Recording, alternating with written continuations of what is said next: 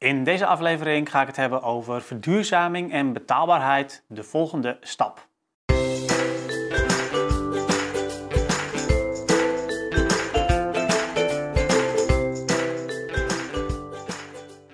Veel corporaties die beleiden het wel in woord, hè, dus dat verduurzaming ook een bijdrage levert aan de betaalbaarheid. En uh, natuurlijk is dat eigenlijk min of meer automatisch ook al zo als je er met je verduurzaming voor zorgt dat mensen minder energie verbruiken.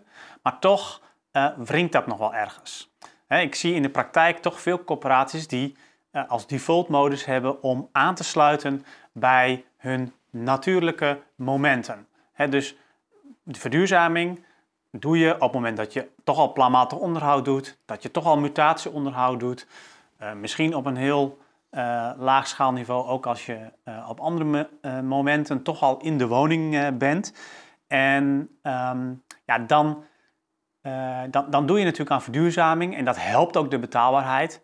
Maar het is niet zo dat je dan denk ik al kunt zeggen van dat je al volop de verduurzaming ook echt inzet om aan die betaalbaarheid te werken. Natuurlijk, met de nationale prestatieafspraken en ook met andere afspraken uh, is het al wel zo dat daar al iets in schuift. Hè? Dus uh, eh, EFG-labels worden bijvoorbeeld naar voren gehaald. Uh, en dan wordt er niet meer gewacht op het moment van, van planmatig onderhoud om die woningen aan te pakken. Ehm, er wordt al beter nagedacht over alternatieve manieren van verwarming op het moment dat je cv-ketels gaat, gaat vervangen. Maar ik denk dat je nog wel een stapje verder kan gaan als corporatie.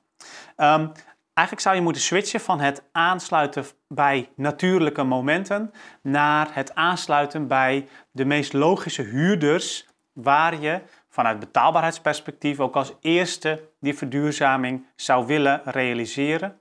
Om dan dus ook echt uh, gestand te doen aan die, uh, aan, aan, die woorden uh, die veel corporaties uitspreken, dat je ook aan betaalbaarheid werkt met verduurzaming. Uh, nou, hoe doe je dat dan in de praktijk? Uh, ga eerst kijken van waar in jouw bezit is en het gasverbruik hoog en ook uh, zijn de inkomens laag. En juist op die plekken, um, ja, daar ga je dan vervolgens verder kijken. En voordat je meteen beren op de weg ziet, deze data die kun je gewoon kopen. dus als je die niet hebt al, Um, dus nou, ik heb daar verder geen aandelen in in dat soort bedrijven, maar google ze en die ga je vinden.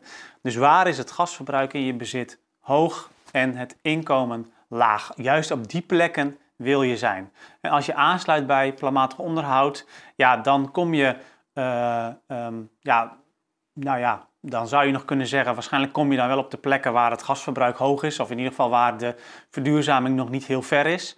Um, maar je wilt juist op die plekken zijn waar ook het, uh, het inkomen laag is. En pas daarna ga je dan kijken van hoe kan je dat bouw, bouwtechnisch uh, ook zo goed mogelijk aanpakken. En als je dan uh, toch nog wel veel projecten hebt om dat allemaal in een jaar te doen, dan kun je op basis van uiteindelijk waar kun je dan het snelste verduurzamen binnen die, binnen die complexen waar en het hoge gasverbruik en de lage inkomens zijn.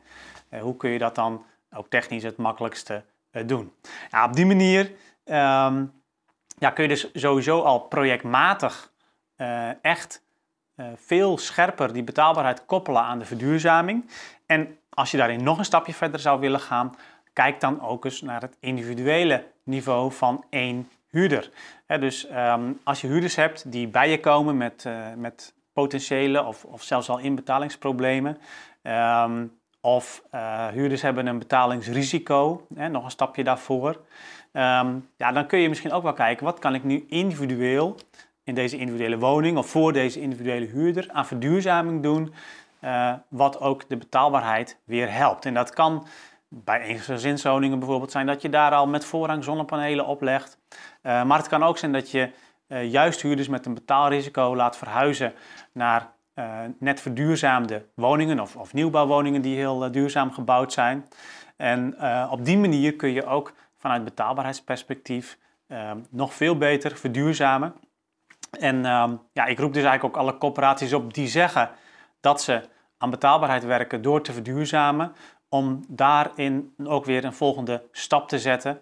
Sluit niet langer aan bij de natuurlijke momenten, maar ga echt um, van de blik op de stenen echt de blik uh, als eerste op de mensen richten en sluit dus aan bij de logische huurders, waar het logisch is om als eerste nou, verduurzaming te doen, omdat dat ook uh, de huurders zijn waar dat qua betaalbaarheid ook het meeste oplevert. Ik wens je daar heel veel succes mee en uh, zoals altijd graag tot een volgende aflevering natuurlijk.